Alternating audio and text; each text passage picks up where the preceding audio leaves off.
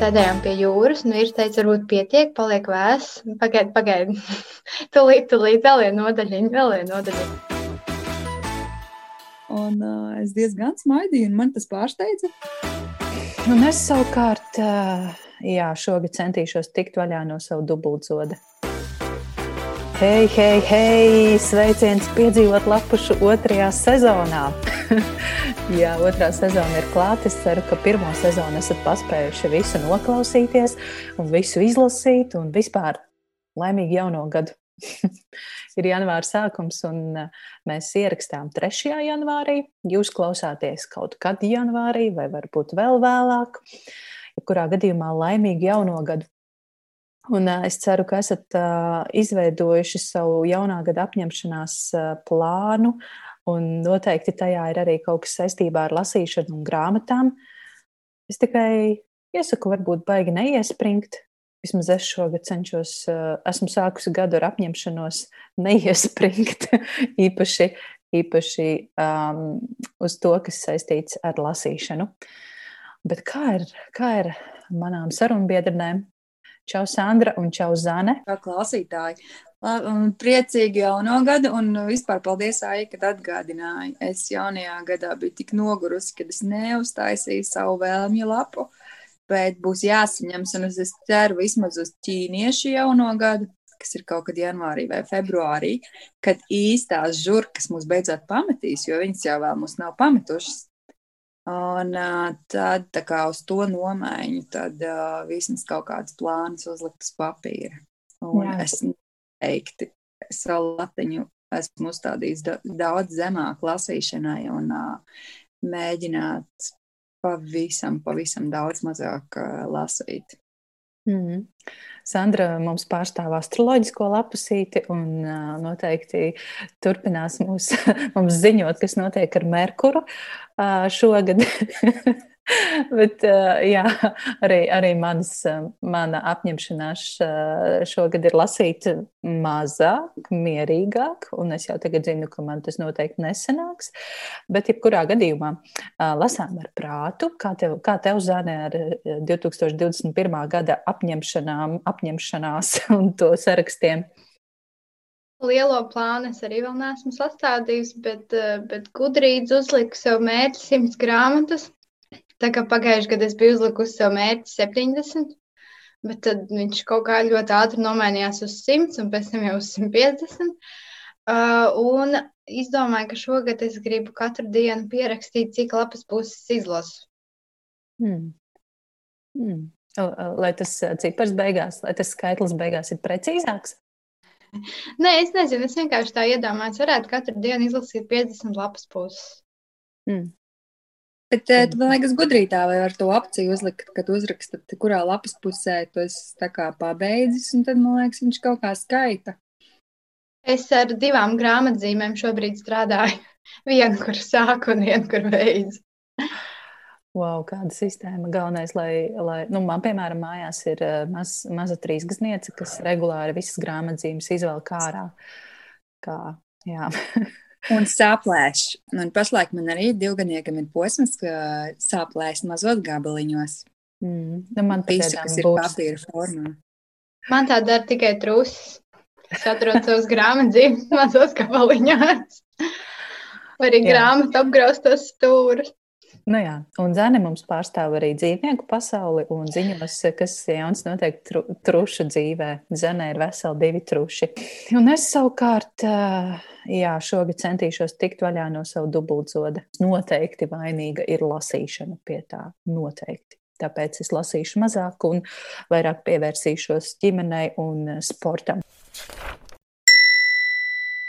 Man ir tāda ķecerīga doma uzsākt atsevišķas, atsevišķu sēriju sarunu ierakstus mūsu patroniem, ko, kuri šobrīd jau ir veseli seši. Mums decembrī ir nākuši klāt divi jauni atbalstītāji. Tas ir Jurijs, paldies Jurijam, un paldies arī Laurai kas izlēma decembrī pievienoties mūsu patroniem, jeb atbalstītājiem. Un paldies arī visiem citiem, kas, kas mūs jau pirms tam ir pieslēgušies un atbalsta. Jā, un, un runājot par patroniem, es esmu ierosinājusi Zanai un Sandrai satikties divreiz mēnesī.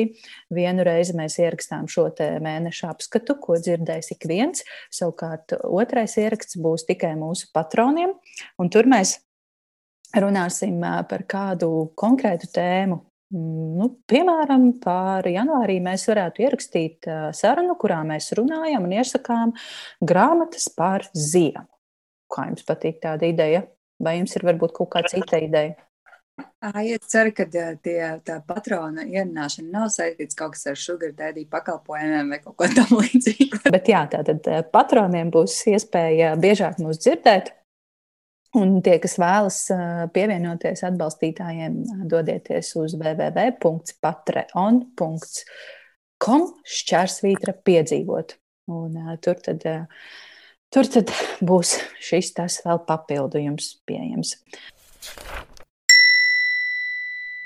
Nu, ko, mēs varam, varētu beidzot sākt runāt arī par to, ko mēs esam izlasījušas, un šīs sarunas plāns. Mēs parunāsim par to, ko mēs lasījām decembrī, tad mēs esam sagatavojušas um, nelielu sarakstiņu ar um, pagājušā, pagājušā gada uh, labākajām grāmatām. Tiesa, mums katrai ir eh, sava kategorija, un, un eh, es domāju, ka tās grāmatas, es ceru, ka tās labākās grāmatas atšķirsies, vai arī nē. Un eh, mums katrai būs it kā cita kategorija, bet vienāds grāmatu tops. Decembris bija interesants ar to, ka mums nebija mm, mēneša grāmatas, tomēr mēs visas trīs tikām pie vienas jaunas latviešu autora grāmatas, un visas trīs to arī izlasījām.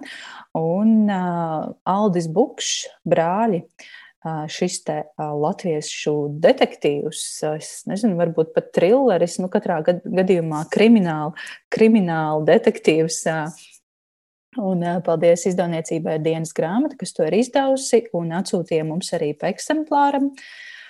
Jā, izlasījām. Tīri labi patika, vai ne?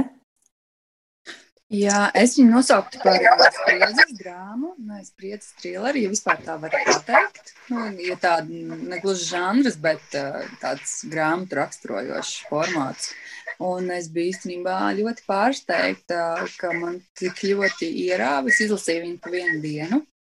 Un uh, visas tās um, sarunvalodas biologi un, um, un tas raitais uh, ritējums, kā grāmata gāja, viņš likās viss tik paties un, uh, varētu teikt, ir tāds vārds latviski, uh, kā saka, samudrīts, ka šis nebija samudrīts teksts, viņš tiešām bija tāds, tāds svaigs ar spriedzi un, un ļoti gribējās zināt, kas te notiks tālāk. Man pat gribētos, ka grāmata vēl turpinās un, un ka tur pavērs visādi vēl citi notikumi. Katrā ziņā jā, tas man bija tāds labs pārsteigums, un uh, es īstenībā ļoti izbaudīju.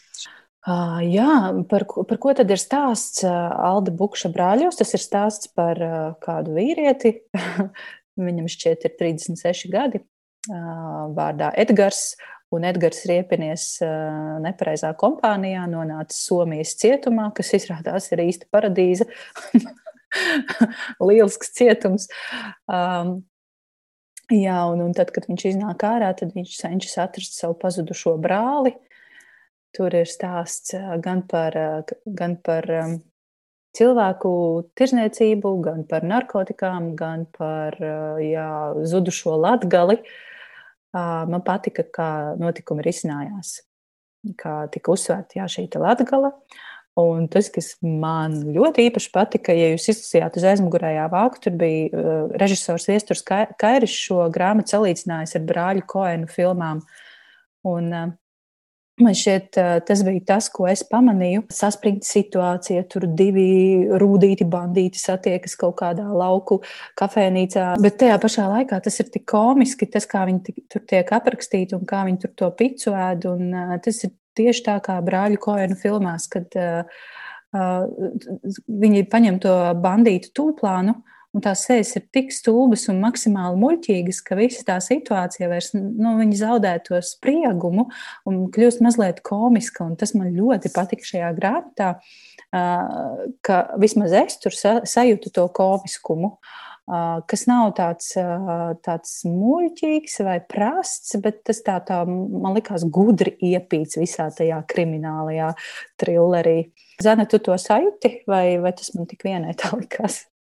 Nē, es pilnībā piekrītu tev. Es arī jūtu to komiskumu, kas, kas ļoti labi atsveicināja tekstu, ka nebija tikai viss ir slikti un, un, un, un brālis ir pazudis. Un, ko, nu, tagad uh, diezgan atgādināja arī skandināvu trilleru detektīvus, bet vismaz bez asiņainām ainām, jo man īpaši nepatīk asiņainie trilleri, kas tāpēc grāmata bija tieši manā gaumē.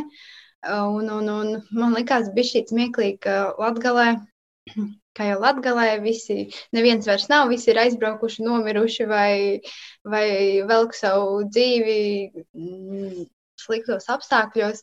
Bet, protams, ka bagātākie tur bija tie, kas vai nu audzēja zālīti, vai nu nodarbojās ar kontrabandu.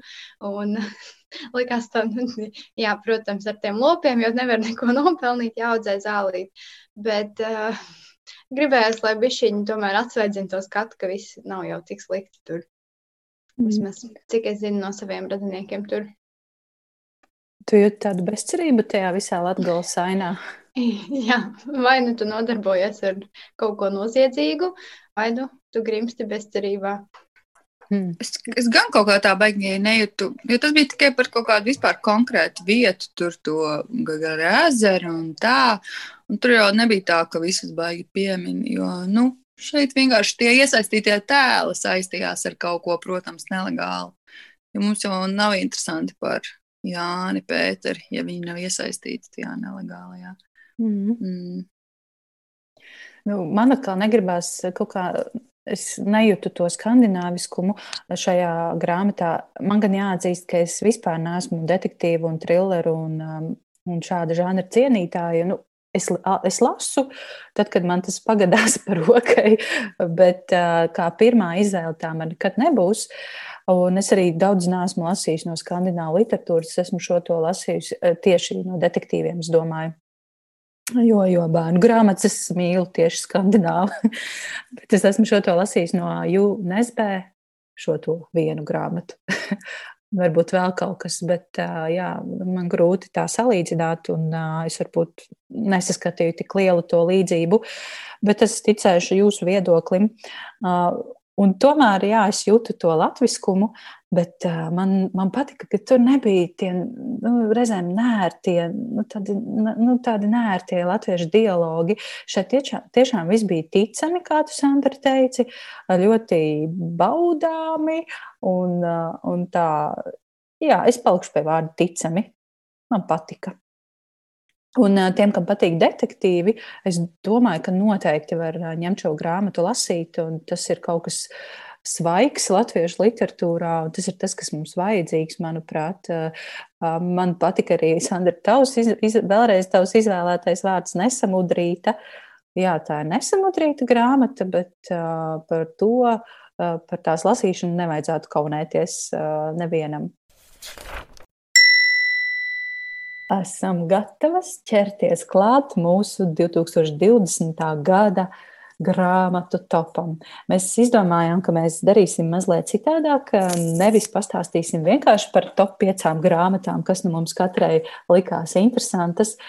Bet mēs izdomājām katru savu kategoriju, kurā tad, nu, izvilkt piecas labākās. Un tā katra, es teiktu, ka tā kategorija ļoti labi raksturo arī mūsu katru pašu. Sandra mums ir sagatavojusi piecas grāmatas, kas pagājušajā gadā viņai ir likušas raudāt visvairāk. Zāne savukārt ir sagatavojusi piecas grāmatas, no kurām viņa nevarēja atrauties. Tātad tādas, kas bija ievilkušas savās lapusēs, tā ka to nevarēja novilkt, nolikt malā.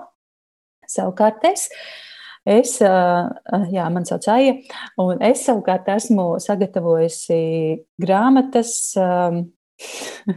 bērnu jauniešu, bērnu jauniešu grāmatas, bet es uzreiz gribu teikt, ka man ļoti nepatīk, ka bērni un jaunieši tiek sabāzti vienā čupiņā.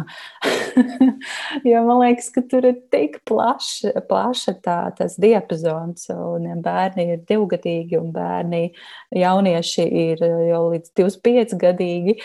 Um, bet jā, es, es teiktu, ka es izvēlējos tādu vidējo vecumu, kaut kādu 12, 13 gadi, ap to vecumu tas mans eh, top, top 5 ir izveidots, eh, nu, varbūt ar tādām mazām nelielām atkāpēm. Un, eh, jā, mēs vienojāmies, ka mēs runāsim par piecām grāmatām, par piecām labākajām attiecīgajā kategorijā. Un tad, kad man pašai vajadzēja izlemt, kuras tās piecas būs, es sapratu, ka es esmu iešāvusi sev kājā, un tas ir vienkārši neiespējami. Zana stāsta par vienu grāmatu, kas tev pagājušajā gadā neļāva gulēt?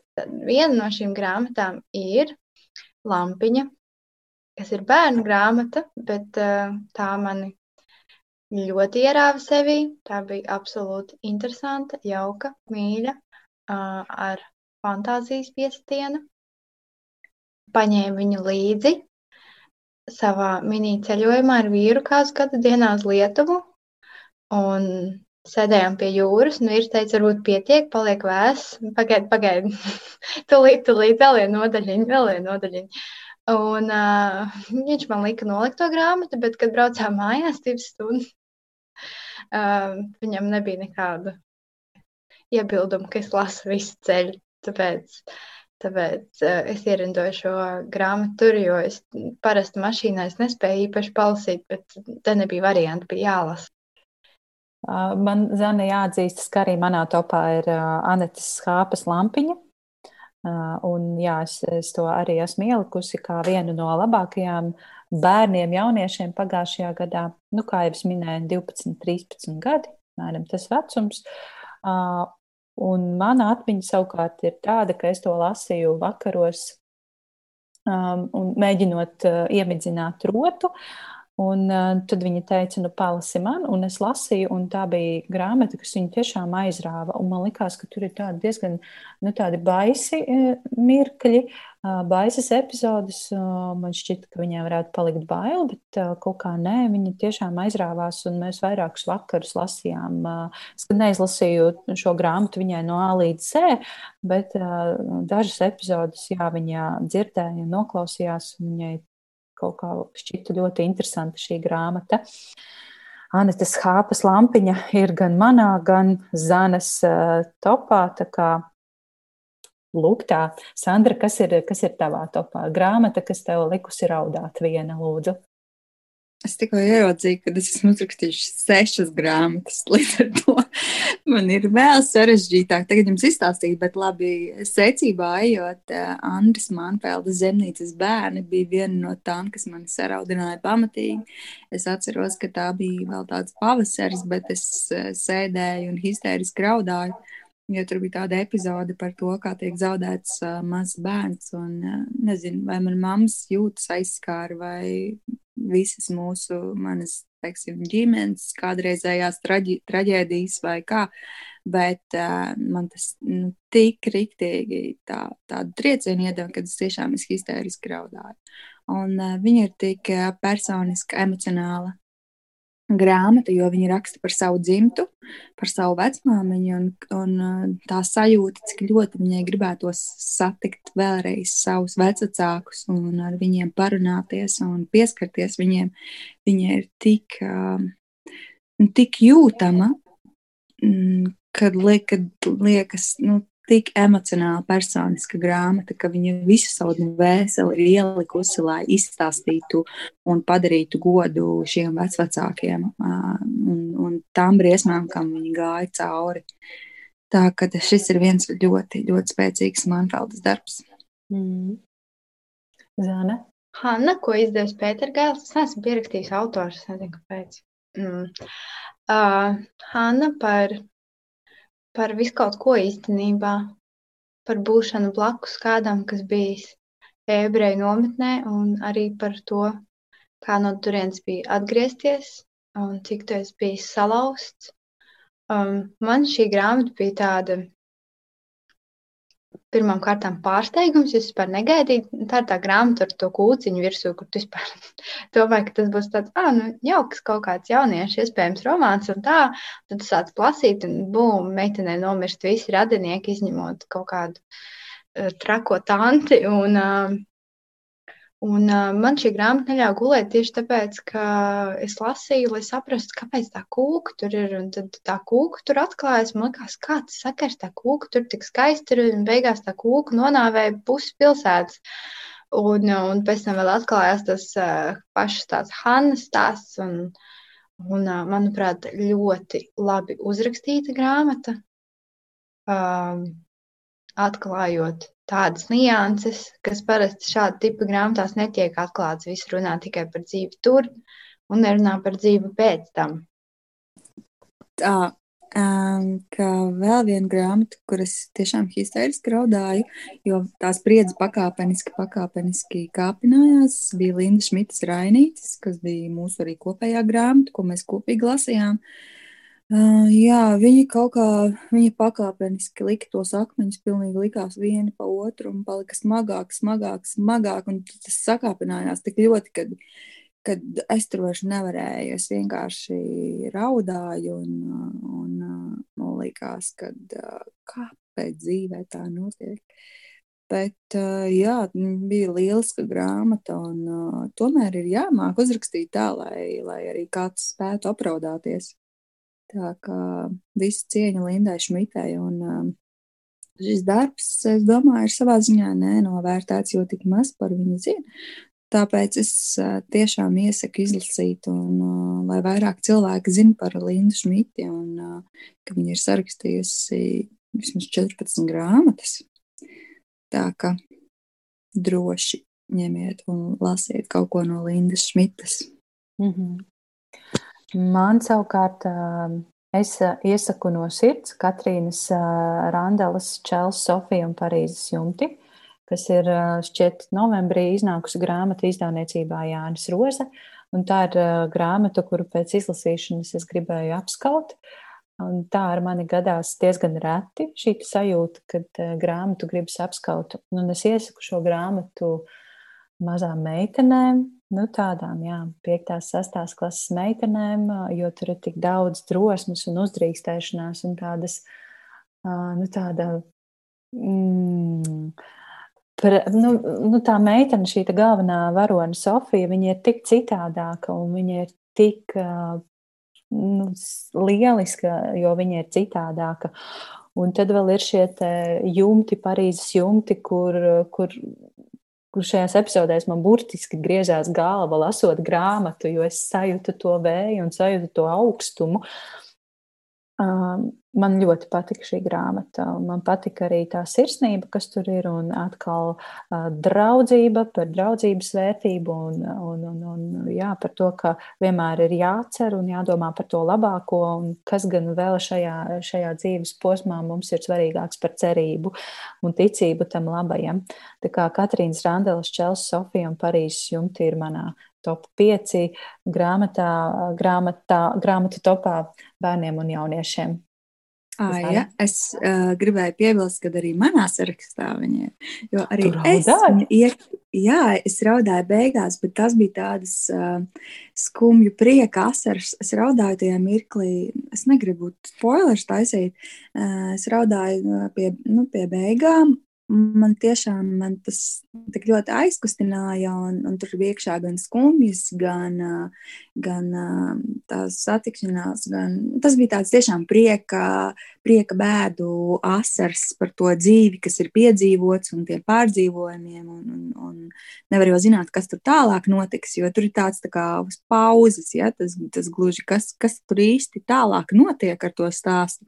Varbūt viņš īstenībā beidzas bēdīgi, jā, un, un to es iekļauju noteikti savā sarakstā, jo, protams, tā ir viena no arī top tādām spilgtākajām grāmatām šī, šajā gadā, un arī, jā, arī, arī, arī drusku paraudāju.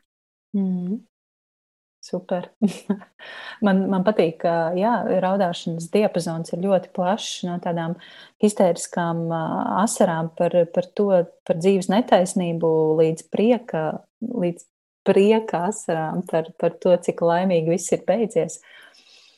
Zana, kas ir tavā sarakstā? Tālāk manā sarakstā ir Rasas Bugavičutes pēces, puika, kurš redzēja tumsā, jo pirmkārt tiek runāts par tādām tēmām, par kurām reti tiek runāts. Otrām kārtām man ļoti patika sižeta līnija. Es nevarēju no šīs grāmatas atrauties tieši dēļ tās sižeta līnijas, jo līdz ar grāmatas lapas pusēm uh, pieauga arī galvenais varonis Jēkabs. Un tā pārēja no bērnības uz pusauģu gadiem un tālāk, tas, tas man likās tik interesanti uh, parādīts un attēlots, kad es nespēju to grāmatu vispār nokalēt. Beigās man likās, ka kā nu viss jau tā grāmata tik īsa. Viņa varēja būt kāds 500 lapas puses, un es būtu lasījis un lasījis un nekad negājis gulēt. Mm. Uh, jā, Zinu, kā puika, kurš redzēja tumsā, ir arī manā sarakstā, protams, kas ir vispār pagājušā gada viena no manām top grāmatām. Bet tā kā Zana, tu jau par to pastāstīji, tas, tad es atļaušos ielikt kādas citas latviešu autoras grāmatu savā topā, un es pieminēšu Agnes Vanagas plasmas huligānus un arī turpinājumu plasmas huligānu draugs pazudis, kas, manuprāt, ir lieliska Mm, ar tēmu, ko šīs grāmatas abas apskata, un tēma par, par zemes audzēšanu un par to, kā mēs izturamies jā, par savu apkārtni un, un kā mēs dzīvojam.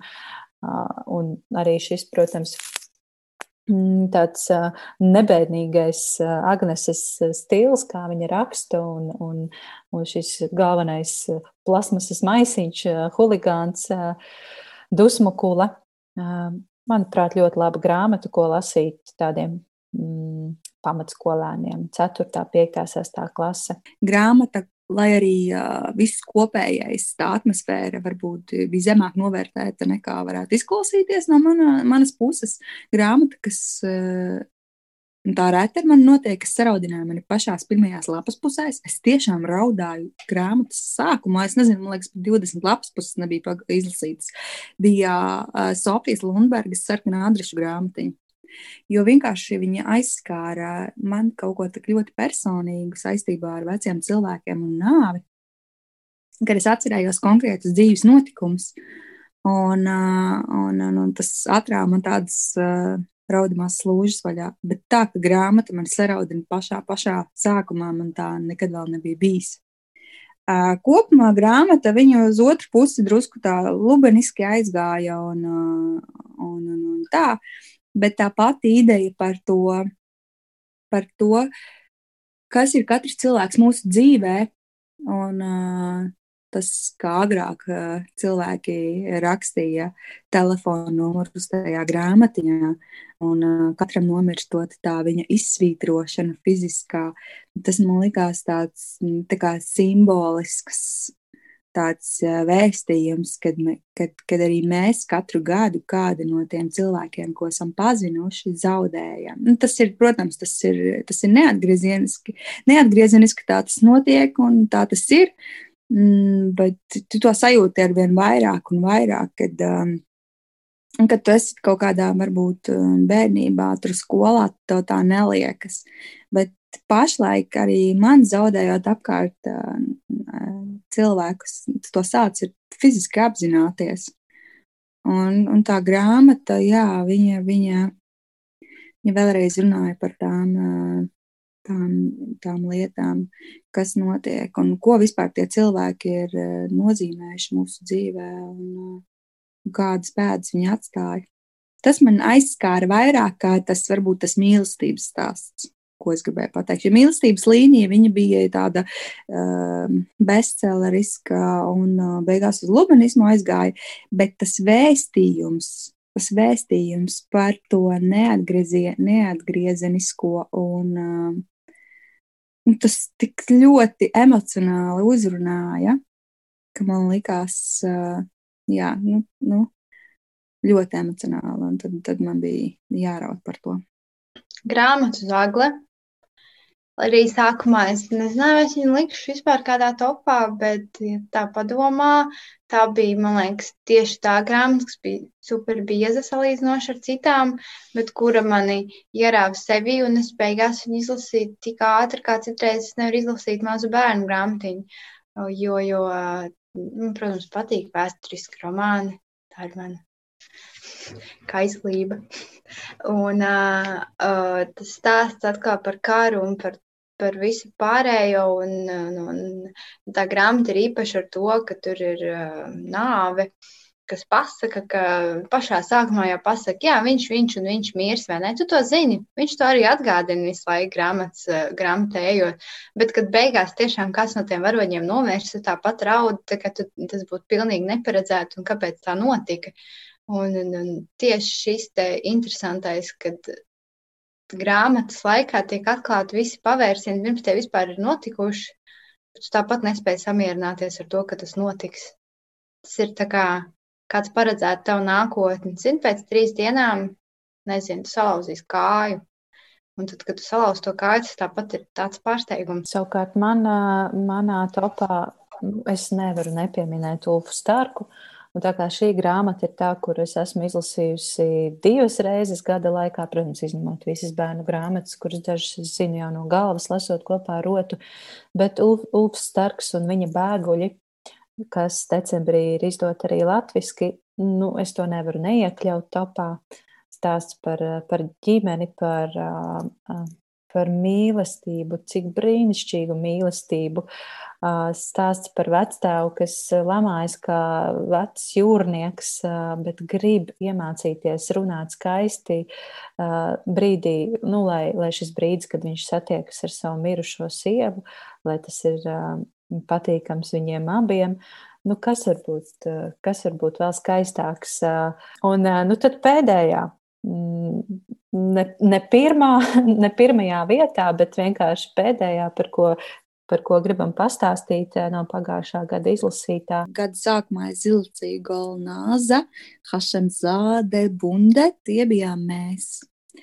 Tas ir uh, no Skandināvijas uh, stāsts par um, bēgļiem, imigrantiem un kā viņi, teiksim, iedzīvojas Zviedrijā. Un, un tā sajūta, viņa diezgan interesanti uzrakstīta, jo drusku tāda arī skarba, Un varētu teikt arī no sievietes viedokļa, kura tiešām ir daudz ko zaudējusi un daudz ko pārdzīvojusi. Līdz ar to viņai ir tāda savs viedoklis par visu un, un, un tā un tā. Bet kas ļoti arī aizkustināja, lika aizdomāties par to, ka nu, tiem bēgļiem, kas pametuši savas mājas, viņi, viņi īsti jau vairs nejūtas ne tajā jaunajā vietā, kā savējie, ne arī vecajā vietā, kur atgriezties. Viņiem Mm, kaut kādā ziņā visu dzīvi saglabājas tā sāpe un, un, un, un tāds aizvainojums un varbūt tāda sentimentāls eh, skumju par to, kā varēja būt, bet kā nav iespējams. Un, uh, protams, tas, tas ļoti aizkustināja.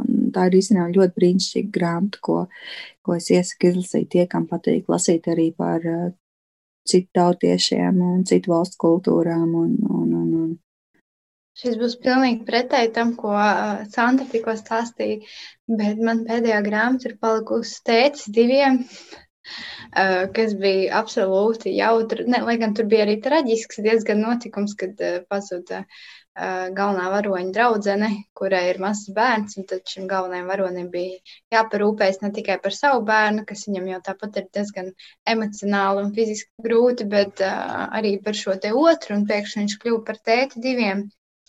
Un uh, šī ierindojās topā, tāpēc, ka tā bija absolūti reāla, ar visām reālajām problēmām. Nebija attēlotas supermāmas un supertēti, kas vienmēr ar visu tiek galā un ka viss ir super skaisti.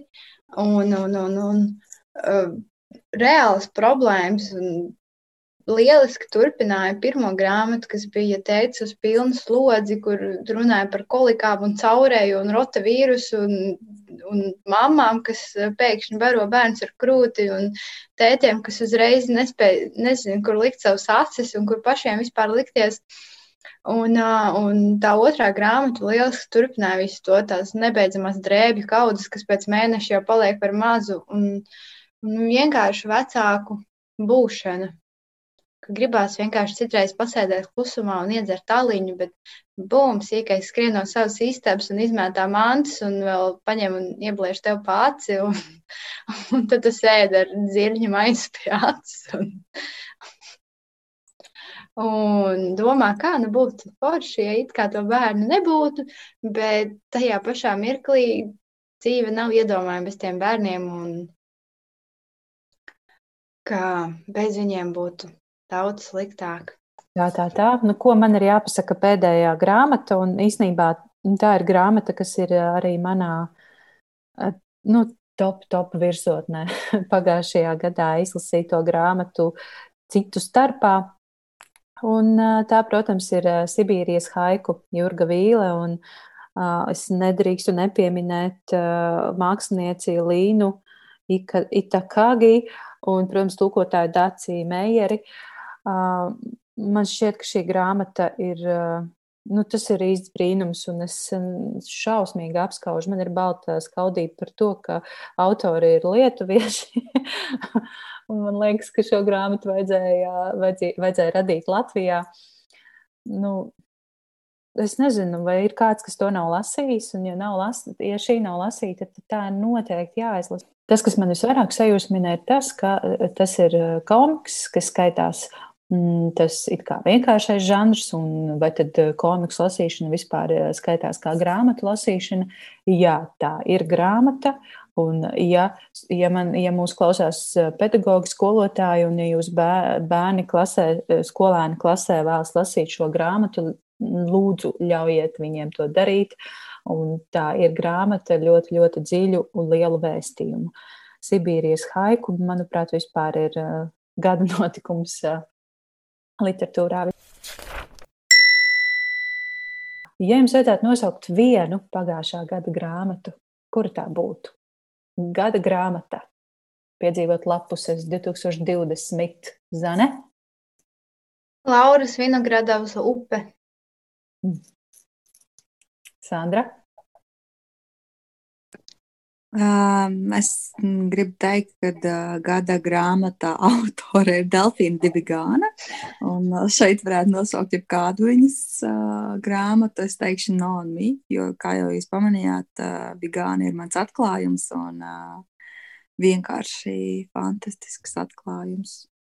Jā, nu es, es nevaru izšķirties starp Gānas lojalitātēm un uh, Sibīrijas haiku, bet nu, tā kā es um, pārstāvu šo bērnu un jauniešu lauciņu, tad lai tā ir Sibīrijas haiku.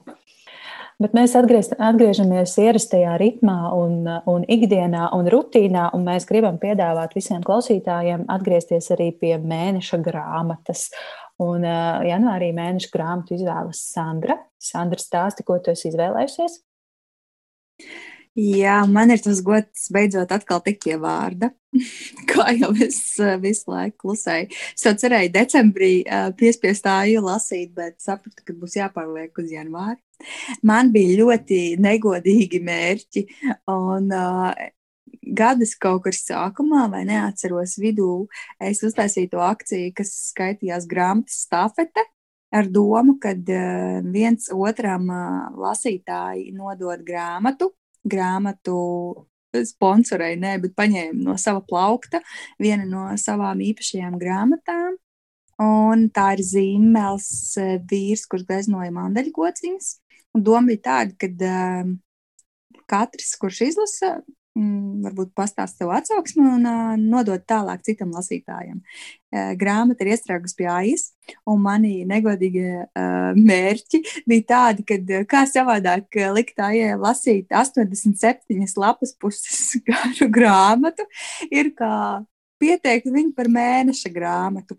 Tad tas arī izpildīsies. Visi mani plāni būs gan lasītāji, kuri varbūt sākumā pieteicās stafetei, izlasīs viņu, no bibliotekas paņems, jo pašlaik viņi noteikti nevar nekur nopirkt, kā izņemot, teiksim, nu, no cilvēkiem, kuriem tā mājās ir. Un, man liekas, ka šī ir ļoti laba un piemērota kopistiskai grāmatas lasīšanai, tāpēc, ka viņa ir tik ļoti, ļoti plāniņa, Viņi tik vienkārši ir izlasīti, un tajā pašā laikā tur ir tāds savāds twists, kuru ir interesanti izlasīt. Tā kā katrā ziņā es gaidīšu jūsu vērtējumu šai grāmatai, un Aija, es ceru, ka tev izdosies viņu šomēnes izlasīt. Jā, es gribu atvainoties par to, ka tā sanāca. Tas galīgi nebija speciāli goda, goda vārds, Sandra. Aizķērās tiešām šī grāmata pie manis aizķērās no vasaras. Šķiet, jā, ārprāts. Un, un es kaut kā nevīžoju to izlasīt, un visu laiku atliku, atliku, atliku, līdz es biju apņēmusies, nu, decembrī tiešām, nu, tagad ir pēdējais laiks Bet tu ieteici to kā janvāra grāmatu. Nu, labi, tad lasīsim janvārī. Ir tikai viena neliela problēma. Bibliotēkas ir cieta. Es varētu ātri izlasīt šo grāmatu un aizsūtīt tālāk Zanai, un Zane aizsūtīt tālāk vēl kādam. Varbūt, ja klausītāji dzird un saprot, ka šī grāmata ir jūsu plauktos, dalieties ar citiem, kaut kā, kaut kā jāizdomā, lai pēc iespējas vairāk cilvēku šo izlasa.